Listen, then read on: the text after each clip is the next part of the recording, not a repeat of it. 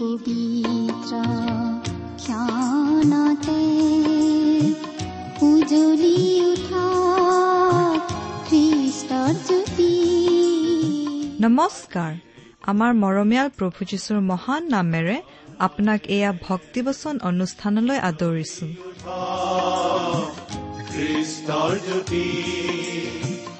আকাশ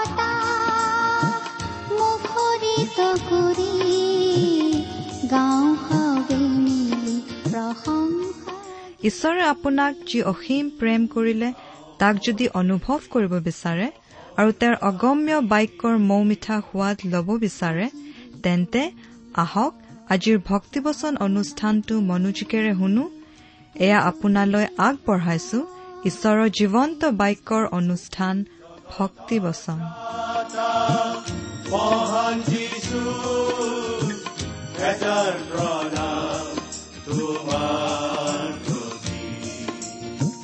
গ্ৰহণ কৰাই ভক্তি বচন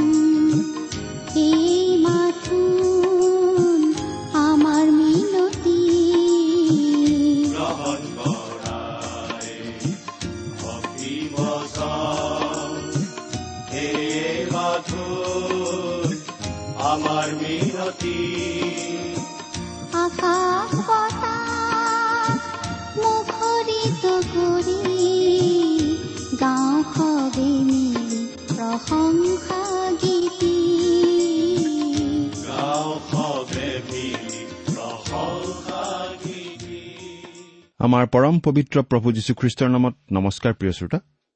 আশা কৰোঁ মহান পিতা পৰমেশ্বৰৰ মহান অনুগ্ৰহত আপুনি ভালে কুশলে আছে। লগতে এই বুলিও আশা কৰিছো যে আপুনি আমাৰ এই ভক্তিপোচন অনুষ্ঠানটো নিয়মিতভাৱে শুনি আছে। যদিহে আজি প্ৰথমবাৰৰ বাবে শুনিছে শুনি কেনে পালে আমালৈ চিঠি লিখি জনাবচোন? যদিহে আপুনি আমাৰ নিয়মীয়া শ্ৰোতা কিন্তু কেতিয়াও চিঠি পত্ৰ লিখা নাই আজিয়ে আপোনাৰ মতামত আদি জনাই আমালৈ দুষাৰিমান লিখি পঠিয়াওকচোন। যদিহে আমালৈ মাজে সময়ে চিঠি পত্ৰ লিখি আছে তেনেহলে আপোনাক ধন্যবাদ জনাইছো। আমাৰ ঠিকনা ভক্তিবচন টি ডব্লিউ আৰ ইণ্ডিয়া ডাক বাকচ নম্বৰ সাত শূন্য গুৱাহাটী সাত আঠ এক শূন্য শূন্য এক। ভক্তিবচন টি ডব্লিউ আৰ ইণ্ডিয়া ডাক বাকচ নম্বৰ সাত শূন্য গুৱাহাটী সাত আঠ এক শূন্য শূন্য এক। আমাৰ website W W W dot radio' eight eight two dot com প্ৰিয় শ্ৰোতা যদিহে আপুনি আমাৰ এই ভক্তিবচন অনুষ্ঠানটো নিয়মিতভাৱে শুনি আছে তেনেহলে আপুনি এই কথাটো নিশ্চয় জানে যে আমি এতিয়া বাইবেলৰ পুৰণি নিয়ম খণ্ডৰ ছফনীয়া ভাৱবাদীৰ পুস্তক নামৰ পুস্তকখন অধ্যয়ন কৰি আছো। নহয়নে বাৰু? যোৱা অনুষ্ঠানত আমি এই ছফনীয়া পুস্তকখনৰ এক নম্বৰ অধ্যায়ৰ পাঁচ নম্বৰ পদৰ পৰা একেবাৰে বাৰ নম্বৰ পদলৈকে পঢ়ি আলোচনা আগবঢ়াইছিলো। নহয় জানো? আজিৰ অনুষ্ঠানত আমি এই ছফনীয়া পুস্তকৰ এক নম্বৰ অধ্যায়ৰ তেৰ নম্বৰ পদৰ পৰা আমাৰ আলোচনা আগবঢ়াই নিম। আপুনি আপোনাৰ বাইবেলখন মেলি লৈছেনে বাৰু? বাইবেলৰ পুৰণি নিয়ম খণ্ডৰ এহেজাৰ ষোল্ল নম্বৰ পৃষ্ঠা উলিয়াই লওকচোন। কিন্তু আহক আজিৰ বাইবেল অধ্যয়ন আৰম্ভ কৰাৰ আগতে আমি সদায় কৰি অহাৰ নিচিনাকৈ চুটিকৈ প্ৰাৰ্থনা কৰোঁ। স্বৰ্গত থকা অসীম দয়ালু পিতৃ ঈশ্বৰ তোমাৰ মহান নামৰ ধন্যবাদ কৰোঁ। তুমি সৰ্বশক্তিমান সৰ্বব্যাপী সৰ্বজ্ঞানী ঈশ্বৰ। তুমি আমাৰ সৃষ্টিকৰ্তা পালনকৰ্তা ঈশ্বৰ। তথাপি তুমি আমাৰ দৰে ক্ষুদ্ৰ মানৱক যে ইমান প্ৰেম কৰা সেই কথা ভাবিলেই আমাৰ আচৰিত লাগে। তুমি যে আমাক প্ৰেম কৰা তাৰ প্ৰমাণ তুমি দিলা। আমাক উদ্ধাৰ কৰিবলৈ আমাক নৰকৰ পথৰ পৰা বচাবলৈ আমাক পৰিত্ৰাণ দিবলৈ তুমি তোমাৰ একেজাত পুত্ৰ যীশুখ্ৰীষ্টকে আমালৈ দান কৰিলা। তেওঁ এই জগতলৈ আহিল আৰু আমাৰ সকলো পাপৰ বোজা নিজৰ কান্ধত লৈ আমাৰ হৈ ক্ৰুচত প্ৰাণ দিলে। তেওঁৰ পবিত্ৰ তেজেৰে আমাৰ পাপৰ প্ৰায়চিত্ৰ কৰিলে। আজি তেওঁত বিশ্বাস কৰি আমি অনন্ত জীৱন লাভ কৰি তোমাক পিতৃ বুলি মাতিব পৰা হৈছো। তাৰ বাবে তোমাক অশেষ ধন্যবাদ পিতা। এতিয়া আমি তোমাৰ মহান বাক্য বাইবেল শাস্ত্ৰ অধ্যয়ন কৰিবলৈ আগবাঢ়িছো। প্ৰাৰ্থনা কৰিছো। তোমাৰ বাক্য তুমিয়েই আমাক বুজাই দিয়া। এই অনুষ্ঠান শুনি থকা আমাৰ মৰমৰ শ্ৰোতাসকলক তুমি উপচি পৰাকৈ আশীৰ্বাদ কৰা। তোমাৰ উপস্থিতি তেওঁলোকৰ জীৱনত অনুভৱ কৰি থাকিবলৈ দিয়া। আমাৰ এই অনুষ্ঠানৰ আৰম্ভণিৰ পৰা শেষলৈকে তুমিয়েই আমাৰ চলাওঁতা হোৱা। কিয়নো এই প্ৰাৰ্থনা আমাৰ মহান ত্ৰাণকৰ্তা মৃত্যুঞ্জয় প্ৰভু যীশুখ্ৰীষ্টৰ নামত আগবঢ়াইছো। আহমেন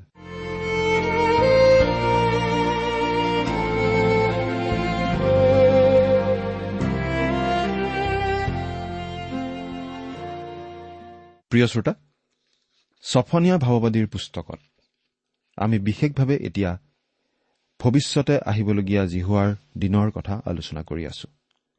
লগতে ছফনীয়া ভাৱবাদীৰ কিছুকাল পাছতেই ইছৰাইলীয় লোকসকললৈ ঘটিবলগীয়া কথাও আমি ইয়াত পাই আছো। আহক এতিয়া আমি বাইবেলৰ পৰা পাঠ কৰি যাওঁ।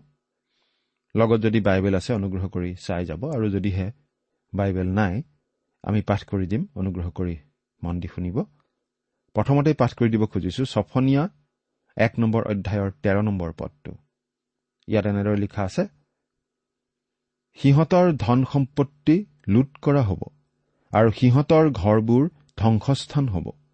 এনেকে সিহঁতে ঘৰ সাজিব কিন্তু তাত বাস কৰিবলৈ নাপাব। দ্ৰাক্ষাবাৰী পাতিব কিন্তু তাৰ দ্ৰাক্ষাৰস পাণ কৰিবলৈ নাপাব। সিহঁতৰ ধন সম্পত্তি লুট কৰা হ'ব। অৰ্থাৎ তেওঁবিলাকে আনক অত্যাচাৰ কৰি ডকা হকা দি সংগ্ৰহ কৰা বয় বস্তু সকলোবোৰ তেওঁলোকৰ পৰা কাঢ়ি নিয়া হ'ব। সিহঁতৰ ঘৰবোৰ ধ্বংসস্থান হ'ব। অৰ্থাৎ আমি এই বুলিও ক'ব পাৰোঁ যে ইছৰাইল দেশত কেৱল ভূতৰ নগৰহে থাকিব।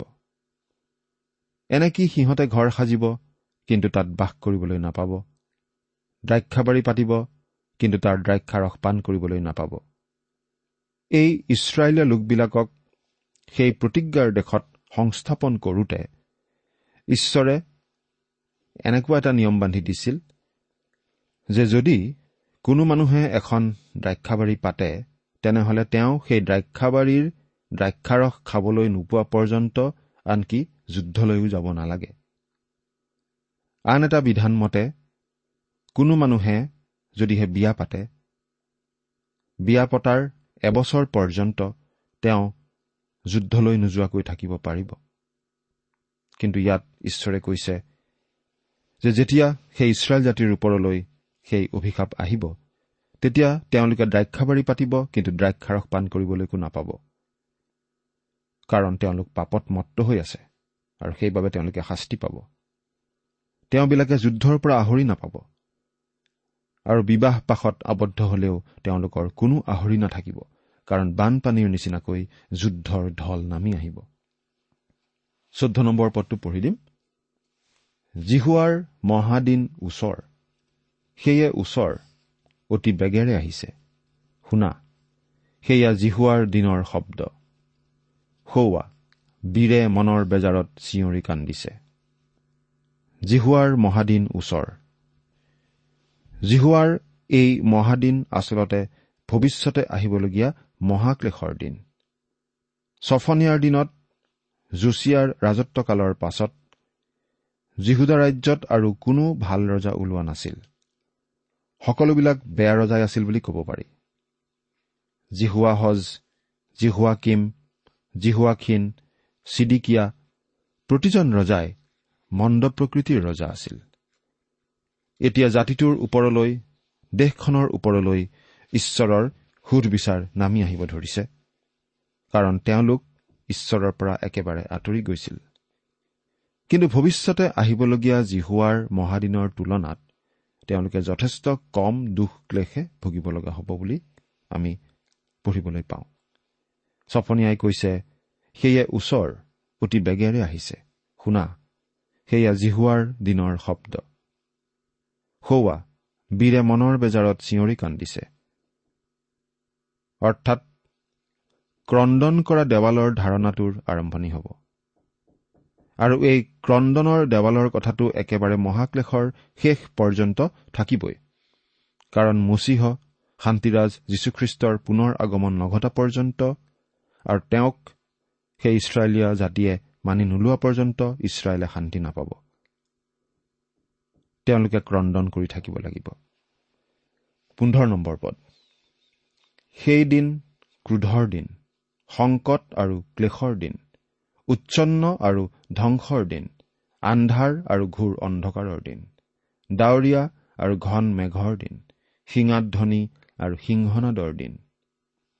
এই পদটোত মূল ইব্ৰী ভাষাত শব্দক লৈ খেলা কৰা হৈছিল আৰু সেইটো ইংৰাজী বা আমাৰ অসমীয়া ভাষাত আমি ভালদৰে উপলব্ধি কৰিব নোৱাৰো। উচ্ছন্ন আৰু ধ্বংস বুজাবলৈ ব্যৱহাৰ কৰা ইব্ৰী ভাষাত ব্যৱহাৰ কৰা শব্দ দুটা হৈছে শ্বৱাহ আৰু উমেশ্বৱাহ। আৰু এই শব্দ দুটা শুনিবলৈ প্ৰায় একে। আৰু এই শব্দ দুটাই ধ্বংসকাৰ্যৰ একঘেয়ামী ভাৱ এটা প্ৰকাশ কৰে। একেবাৰে আমনি লাগি যোৱা ধৰণৰ ভাৱ এটা প্ৰকাশ কৰে। আমি আমাৰ ভাষাৰ বাইবেলত ইয়াৰ এটা আক্ষৰিক বৰ্ণনা পাওঁ। সেই দিন ক্ৰোধৰ দিন সংকট আৰু ক্লেশৰ দিন উচ্ছন্ন আৰু ধ্বংসৰ দিন ডাৱৰীয়া আৰু ঘন মেঘৰ দিন সিঙাধ্বনি আৰু সিংহনাদৰ দিন। গতিকে আমি আচলতে আমাৰ নিজৰ ভাষাটো শব্দৰ বেলেগ ধৰণৰ খেল এটা দেখা পাওঁ। ছফনিয়াই আচলতে ইয়াত আহিবলগীয়া সুধবিচাৰৰ তীব্ৰতা আৰু নিষ্ঠুৰতাৰ কথাটো বুজাইছে। গতিকে স্বাভাৱিকতেই আমাৰ মনত প্ৰশ্ন উঠে এজন প্ৰেমময় ঈশ্বৰে কেনেকৈ এনেকুৱা কাম কৰিব পাৰে? আমাৰ অধ্যয়নৰ সামৰণি পৰাৰ আগতেই আমি এই কথাটো বুজি পাম যে এই কথাটো আমি পুস্তকখনৰ আৰম্ভণিতে বৰ্ণনা কৰা ঘটনাটোত বাপেকে মৰমৰ জীয়েকক অস্ত্ৰোপচাৰৰ বাবে ডাক্তৰৰ হাতত তুলি দিয়া কথাটোৰ নিচিনা। সেই ঘটনাটোৰ বৰ্ণনা কৰোঁতে বাপেকক অতি নিষ্ঠুৰ বুলিও দেখুৱাব পাৰি। কাৰণ পেটত চুৰি চলাবলৈ ডাক্তৰজনৰ হাতত তেওঁ নিজৰ মৰমৰ জীয়েকক গতাই দিছে। কিন্তু আচলতে বাপেকে কৰা গোটেই কামখিনি আছিল সেই সৰু ছোৱালীজনীৰ প্ৰতি প্ৰেমৰ চিন। তেনেদৰে মহাক্ৰোধৰ দিনো ঈশ্বৰৰ পৰা অহা সুধ বিচাৰ দণ্ড হলেও ইয়াৰ মাজত ঈশ্বৰৰ প্ৰেমো লুকাই থাকে। যিয়েই নঘটক লাগিলে ঈশ্বৰ প্ৰেম। বতাহ যিপিনেই নবলক লাগিলে ঈশ্বৰ প্ৰেমময়। আৰু সেয়া প্ৰকৃত প্ৰেম। সুধ বিচাৰ কৰি দণ্ডবিহাৰ সময়তো ঈশ্বৰ প্ৰেমময়। এই কথাটো আমি আগতেও বাৰে বাৰে উল্লেখ কৰি আহিছো। ঈশ্বৰে সুধ বিচাৰ কৰিবলৈ বাধ্য কাৰণ মন্দ কাৰ্যৰ পাপ কাৰ্যৰ সুধ বিচাৰ তেওঁ কৰিবই লাগিব। তেওঁ সেই কাম কৰিবই লাগিব কাৰণ তেওঁ নিজক কেতিয়াও ফাঁকি দিব নোৱাৰে। আৰু তেনে নকৰিলে তেওঁ নিজ সৃষ্টিৰ প্ৰতি উপকাৰ কৰিব নোৱাৰে। ঈশ্বৰে যদি অনন্তকাল ধৰি পৃথিৱীত পাপ চলি থাকিবলৈ দিয়ে যদিহে ঈশ্বৰে পাপৰ শাস্তি দিবলৈ আগ নাবাঢ়ে যদিহে আমি অনন্তকাল ধৰি দুখ বেজাৰৰ সতে যুঁজবাগৰ কৰিয়েই কটাব লগা হয়। তেনেহলে ঈশ্বৰক আমি নিশ্চয় প্ৰেমৰ ঈশ্বৰ বুলি ক'ব নোৱাৰিম। কিন্তু যদি আমি জানিব পাৰোঁ যে ঈশ্বৰে পাপৰ বিচাৰ কৰিব তেওঁ প্ৰচণ্ড সুধবিচাৰৰ বাবে আহিব ধৰিছে আৰু তেওঁ এই বিশ্ব ব্ৰহ্মাণ্ডৰ পৰা পাপ আঁতৰ কৰিব তেতিয়া নিশ্চয় আমি আনন্দতে হালি লুইয়া বুলি ক'ব পাৰিম। আৰু তেনে কৰোঁতে আমি তেওঁক প্ৰেমময় ঈশ্বৰ বুলিয়েই ক'ব পাৰিম। কথাটো চিন্তা কৰি চাওকচোন। ষোল্ল নম্বৰ পদ। আৰু গড়েৰে আবৃত নগৰবোৰৰ আৰু ওখ কোঠবোৰৰ বিপক্ষৰ দিন হ'ব। ইছৰাইল জাতিয়ে অৰণ্যৰ মাজেৰে যাত্ৰা কৰা সময়ত বজাবলৈ ঈশ্বৰে শিঙাৰ ব্যৱস্থা কৰিছিল। সেইবোৰ বেলেগ বেলেগ ধৰণে ব্যৱহাৰ কৰিব লাগিছিল। ৰূপৰ শিঙা দুটা বেলেগ বেলেগ ধৰণে ব্যৱহাৰ কৰিব লগাৰ কথাটো বুজাবলৈ ঈশ্বৰে এনেদৰে কৈছিল। বাইবেলৰ পৰা পাঠ কৰি বাৰু। গণনা পুস্তক দহ নম্বৰ অধ্যায়ৰ ন নম্বৰ পদত সেই তুৰিৰ ব্যৱহাৰৰ বিষয়ে এনেদৰে ঈশ্বৰে ব্যৱস্থা দিছিল। আৰু যি সময়ত তোমালোকে তোমালোকৰ দেশত উপদ্ৰৱ কৰোতা শত্ৰুবোৰৰ বিৰুদ্ধে যুদ্ধ কৰিবলৈ ওলাবা সেই সময়ত সেই দুটা তুৰি ৰণত বজোৱাৰ দৰে বজাবা। তাতে তোমালোকৰ ঈশ্বৰ জীহুৱাই তোমালোকক সোঁৱৰণ কৰিব আৰু তোমালোকে তোমালোকৰ শত্ৰুবোৰৰ পৰা নিস্তাৰ পাবা। আনহাতে ইয়াত ছফনীয়াই কৈছে সিঙাধ্বনিৰ দিন বুলি। অৰ্থাৎ তেওঁবিলাকে বিপদ সংকেত দিব কিন্তু ঈশ্বৰে তেওঁলোকক ৰক্ষা নকৰিব। কিয়? কাৰণ ঈশ্বৰে তেওঁলোকক দণ্ড বিহিব। ঈশ্বৰে আচলতে তেওঁলোকক উদ্ধাৰ কৰিব বিচাৰে অনন্ত জীৱনলৈ। শত্ৰুৰ পৰা উদ্ধাৰ কৰিব কিন্তু নিবিচাৰে সেই সময়ত। কিয়নো সেই দিন হ'ব গড়েৰে আবৃত নগৰ আৰু ওখ কোঠৰ বিপক্ষে সিঙাধ্বনি আৰু সিংহনাদৰ দিন। এইটো ইছৰাইল জাতিক ঈশ্বৰে দিয়া এটা চৰম শাস্তি। কিন্তু আজিৰ ডাক্তৰে কৰা অস্ত্ৰোপচাৰবোৰো এনেকুৱা চৰম ব্যৱস্থাই। বহু সময়ত ডাক্তৰে অতি ভয়ংকৰভাৱে কাটিব লগা হয়। কিন্তু তেওঁ কোনো আক্ৰোশৰ বশৱৰ্তী হৈ নাইবা কিবা শাস্তি দিওঁ বুলি নিশ্চয় নাকাটে। আচলতে ৰোগীজনক বচাবৰ কাৰণেহে তেনেদৰে কাটিব লগা হয় আৰু মানুহ হিচাপে কৰিব পৰা সেইটোৱেই একমাত্ৰ উপায় থাকেগৈ সেই ৰোগীজনক বচাবৰ বাবে। ঈশ্বৰেও এনেদৰে সুধবিচাৰ কৰিব আৰু অতি চৰম ব্যৱস্থাও গ্ৰহণ কৰিব। তেওঁ অতি সাংঘাতিক ধৰণৰ অস্ত্ৰোপচাৰ চলাব লগা হয়। কিন্তু সেই সকলো তেওঁ কৰিব লগা হয় মানৱৰ ভালৰ কাৰণে। সোতৰ আৰু ওঠৰ নম্বৰ পদ দুটা পঢ়ি দিম। আৰু মানুহবিলাকে জিহুৱাৰ অহিতে পাপ কৰাৰ কাৰণে মই সিহঁতক এনেকৈ ক্লেশ দিম যে সিহঁত অন্ধ মানুহৰ নিচিনাকৈ ফুৰিব আৰু সিহঁতৰ তেজ ধূলিৰ নিচিনাকৈ আৰু সিহঁতৰ মাংস গোবৰৰ নিচিনাকৈ বাকি পেলোৱা হ'ব। জিহুৱাৰ ক্ৰোধৰ দিনা সিহঁতৰ ৰূপ বা সোণে সিহঁতক উদ্ধাৰ কৰিব নোৱাৰিব। কিন্তু তেওঁৰ অন্তৰ্জালৰে অগ্নিৰে গোটেই দেশ গ্ৰাসিত হ'ব। কিয়নো তেওঁ দেশ নিবাসী আটাইবোৰৰ অন্ত কৰিব এনেকি বেগেৰে অন্ত কৰিব। বহুতো ধনী দেশে কোটি কোটি টকা খৰচ কৰে বন্ধু কিনিবলৈ নাইবা বন্ধু পাবলৈ আৰু মানুহক প্ৰভাৱিত কৰিবলৈ। কিন্তু তেনেকুৱা ধনী পশ্চিমীয়া দেশ এখনক আচলতে গোটেই পৃথিৱীতে বেয়া পায় বুলিহে ক'ব পাৰি। এৰা ভাল পোৱা টকা পইচাৰে কিনিব নোৱাৰি। সোণ ৰূপেৰে মানুহৰ অন্তৰ জয় কৰি ল'ব নোৱাৰি। তথাপি মানুহে ভাবি থাকে টকা পইচাৰে সকলো সমস্যাৰ সমাধান হয় বুলি।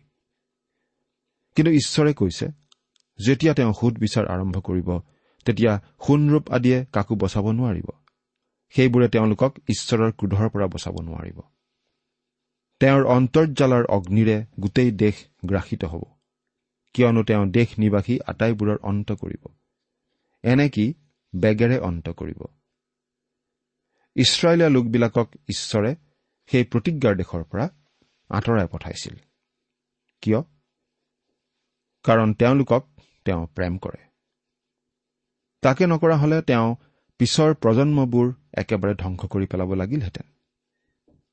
ভৱিষ্যত প্ৰজন্মৰ খাতিৰত যাতে গোটেই জাতিটোক ঈশ্বৰে সমোলঞ্চে ধ্বংস কৰিব লগা নহয় সেইবাবেই ঈশ্বৰে সেই জাতিটোৰ পাপৰূপী কেঞ্চাৰ ৰোগ সুস্থ কৰিবলৈ গোটেই ইছৰাইল জাতিটোক শত্ৰুৰ হাতত পৰাস্ত হবলৈ এৰি দিছিল।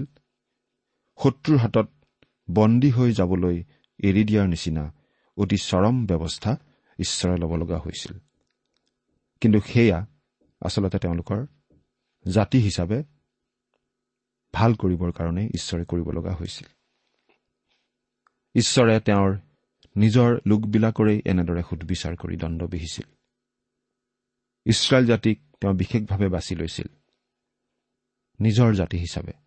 আৰু সেই জাতিকেই তেওঁ এনেদৰে চৰম শাস্তি বিহিব লগা হৈছিল। কিন্তু ঈশ্বৰে গোটেই জগতৰ জাতিবিলাকৰো সুধবিচাৰ কৰে। এই ছফনীয়া পুস্তকৰ দুই নম্বৰ অধ্যায়টোৰ এইটোৱেই আচলতে মূল বিষয় যে ঈশ্বৰে জগতৰ বিভিন্ন জাতিবিলাকৰো সুধবিচাৰ কৰে। তিনি নম্বৰ অধ্যায়ৰ আঠ নম্বৰ পদলৈকে আমি এই বিষয়টোৱেই পাই থাকো। ঈশ্বৰ অনুগ্ৰহশীল। দীৰ্ঘদিন সহন কৰোতা। বহুদিনলৈকে ধৈৰ্য ধৰি থাকোতা। আৰু কোনো মানুহে বা কোনো জাতিয়ে ধ্বংস হৈ যোৱাটো তেওঁ নিবিচাৰে। গতিকে ঈশ্বৰে সাৱধানবাণী শুনায় বাৰে বাৰে সাৱধানবাণী শুনাই শেষ সাৱধানবাণী এটা পঠায়। যদিও এই দুই নম্বৰ অধ্যায়ৰ প্ৰথম তিনিটা পদত আমাৰ এনেকুৱা লাগে যেন ঈশ্বৰৰ ধৈৰ্য শেষ হৈ গৈছে। আমি দেখিবলৈ পাওঁ ছফনিয়াই যিহুদী জাতিলৈ ঈশ্বৰৰ শেষ আহ্বান জনাইছে মন পালটন কৰি ঈশ্বৰলৈ উভতি আহিবলৈ। এতিয়া দুই নম্বৰ অধ্যায়ৰ পৰা পাঠ কৰি দিম। ছফনীয়া দুই নম্বৰ অধ্যায়ৰ এক আৰু দুই নম্বৰ পদ দুটা পঢ়ি দিছো। শুনিবচোন। হে নীলাজ জাতি আজ্ঞাতি সামফল নৌ হওঁতেই তুমি তোহৰ দৰে উৰি নৌ যাওঁতেই যি হোৱাৰ প্ৰচণ্ড ক্ৰোধ তোমালোকৰ ওপৰত নৌ পৰোঁতেই যিহোৱাৰ ক্ৰোধৰ দিন তোমালোকলৈ নৌ আহোঁতেই তোমালোক গোট খোৱা একেলগ হোৱা। তোমালোক গোট খোৱা একেলগ হোৱা। অৰ্থাৎ ইছৰাইলীয় লোকসকলক গোট খাবলৈ কোৱা হৈছে। সকলো লোক উপাসনাৰ বাবে লগ হৈ ঈশ্বৰৰ আগত কাটৰোক্তি জনাবলৈ যাতে ঈশ্বৰৰ সোধ বিচাৰ দণ্ডৰ পৰা তেওঁলোকে ৰেহাই পায়। হে নীলাজ জাতি তোমালোক গোট খোৱা। তেওঁবিলাকৰ পাপৰ কাৰণেই তেওঁবিলাকৰ ওপৰলৈ ঈশ্বৰৰ সোধ বিচাৰ নামি আহিব ধৰিছিল। তাৰমানে ঈশ্বৰে তেওঁলোকক ভাল নাপায় বা তেওঁলোকক নিবিচাৰে এনে নহয়। তেওঁলোকৰ পাপৰ ফলস্বৰূপেহে তেওঁলোকৰ ওপৰলৈ সুদবিচাৰ নামি আহিব ধৰিছিল। তেওঁলোক ঘীনলগীয়া অনাকৰ্ষণীয়।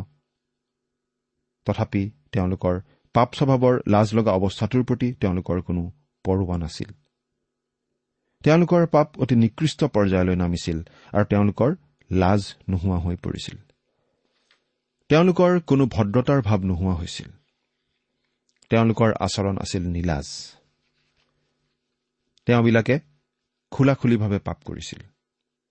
আৰু তাকে লৈ কিজানি গৌৰৱহে কৰিছিল। প্ৰিয় শ্ৰোতা আজি আমাৰ সমাজখনৰো অৱস্থা এনেকুৱা হোৱা নাইনে বাৰু? চিন্তা কৰি চাওকচোন। এসময়ত যিবিলাক কাম পাপ বুলি ভাবি তেনেকুৱা কাম কৰিবলৈ মানুহে সংকোচ কৰিছিল আজি তেনেকুৱা কামবিলাক মানুহে কোনো লাজ নোহোৱাকৈ কৰিব পৰা হৈছে। পাপ কৰি মানুহৰ লাজ নলগা যেন হৈ পৰিছে। আজি মানুহে খোলা খুলিকৈ বেয়া কাম কৰিব পৰা হৈছে। কিন্তু আমাৰ পাপ ঈশ্বৰে কিমান ঘীন কৰে সেই কথা আজি মানুহে অনুভৱ নকৰা হৈ পৰিছে। ঈশ্বৰে কৈছে প্ৰাৰ্থনাৰ কাৰণে গোট খোৱা অনুতাপ কৰিবলৈ একগোট হোৱা মোলৈ ঘূৰিবলৈ লগ হোৱা। ইয়াত এটা জৰুৰীকালীন অৱস্থাৰ ভাৱ প্ৰকাশ পাইছে। ছফনীয়াই কৈছে ঈশ্বৰে তোমালোকলৈ সুধবিচাৰ দণ্ড নমাই অনাৰ আগতেই এই কাম কৰা। কাৰণ যদি তোমালোকে সীমা অতিক্ৰম কৰি যোৱা আৰু ঈশ্বৰে সুধবিচাৰ কৰি দণ্ড বিহিবলৈ আৰম্ভ কৰিব তেতিয়া বুজি পাবা যে বহুত পলম হৈ গ'ল। প্ৰিয় শ্ৰোতা আজি আমাৰ সমাজখনতো এনে এজন ব্যক্তিৰ প্ৰয়োজন হৈছে যিজনে মানুহবোৰক প্ৰাৰ্থনা কৰি মন পালটন কৰি ঈশ্বৰলৈ আহিবলৈ আহ্বান জনাব। আজি মানৱ জাতিয়ে একেবাৰে শেষ সীমা পোৱা যেন দেখা গৈছে। আজি তেনেকুৱা জৰুৰী প্ৰাৰ্থনাৰেই প্ৰয়োজন হৈছে। আৰু তেনেকুৱা প্ৰাৰ্থনাৰ উত্তৰ ঈশ্বৰে নিশ্চয় দিব। প্ৰিয় শ্ৰোতা আপুনি বাৰু নিজৰ ব্যক্তিগত জীৱনৰ কথা চিন্তা কৰি চায়নে আপুনি বাৰু কি অৱস্থাত আছে? আপুনি নিজৰ বাবে নিজৰ পৰিয়ালৰ বাবে নিজৰ সমাজৰ বাবে নিজৰ দেশৰ বাবে ঈশ্বৰৰ ওচৰত প্ৰাৰ্থনা জনায়নে ঈশ্বৰে আপোনাৰ প্ৰাৰ্থনা শুনেনে? চিন্তা কৰি চাওকচোন। ঈশ্বৰে আপোনাক আশীৰ্বাদ কৰক। আমেন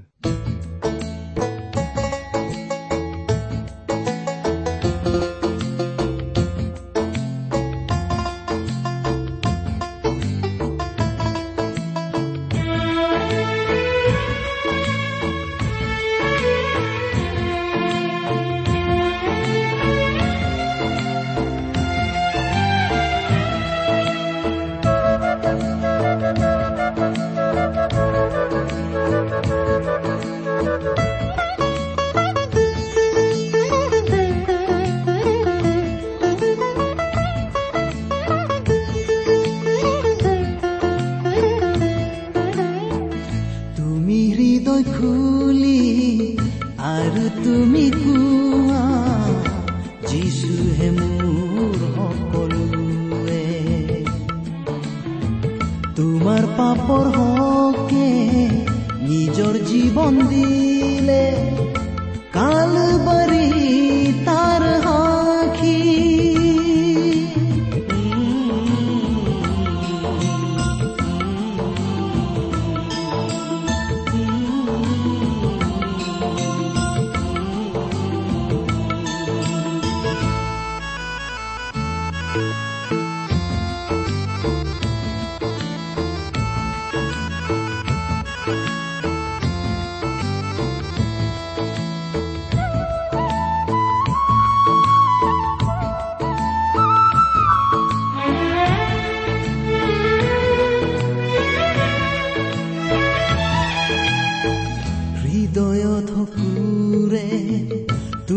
চবে চোৱা কুশলৈ পাব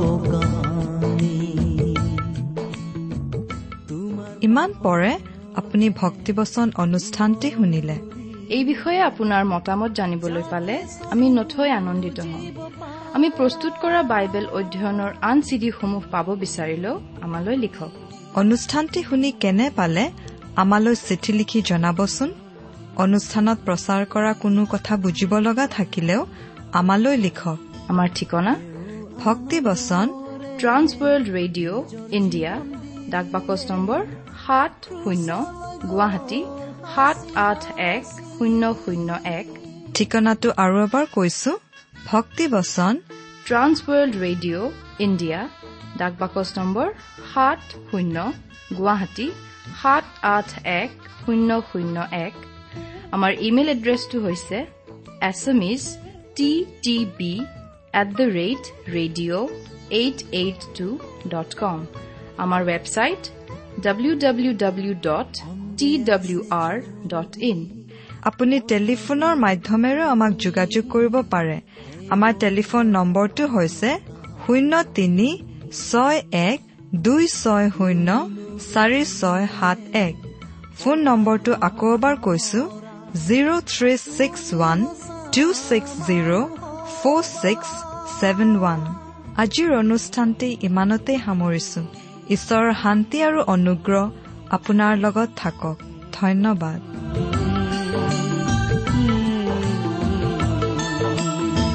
তেওঁ আনন্দৰে নিজৰ জীৱন দিলে ক্ৰুচলৈ গল হাসি হাসি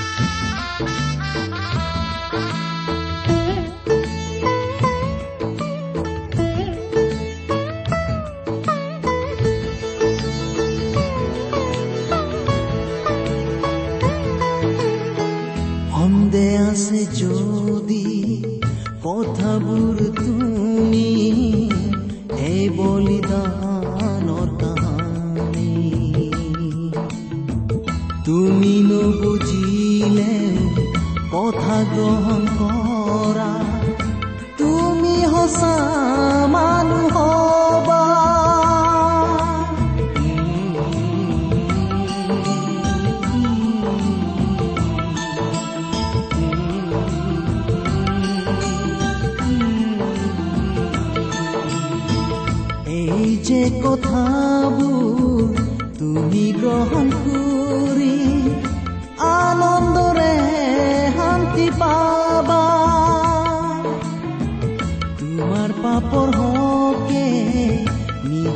তোমাৰ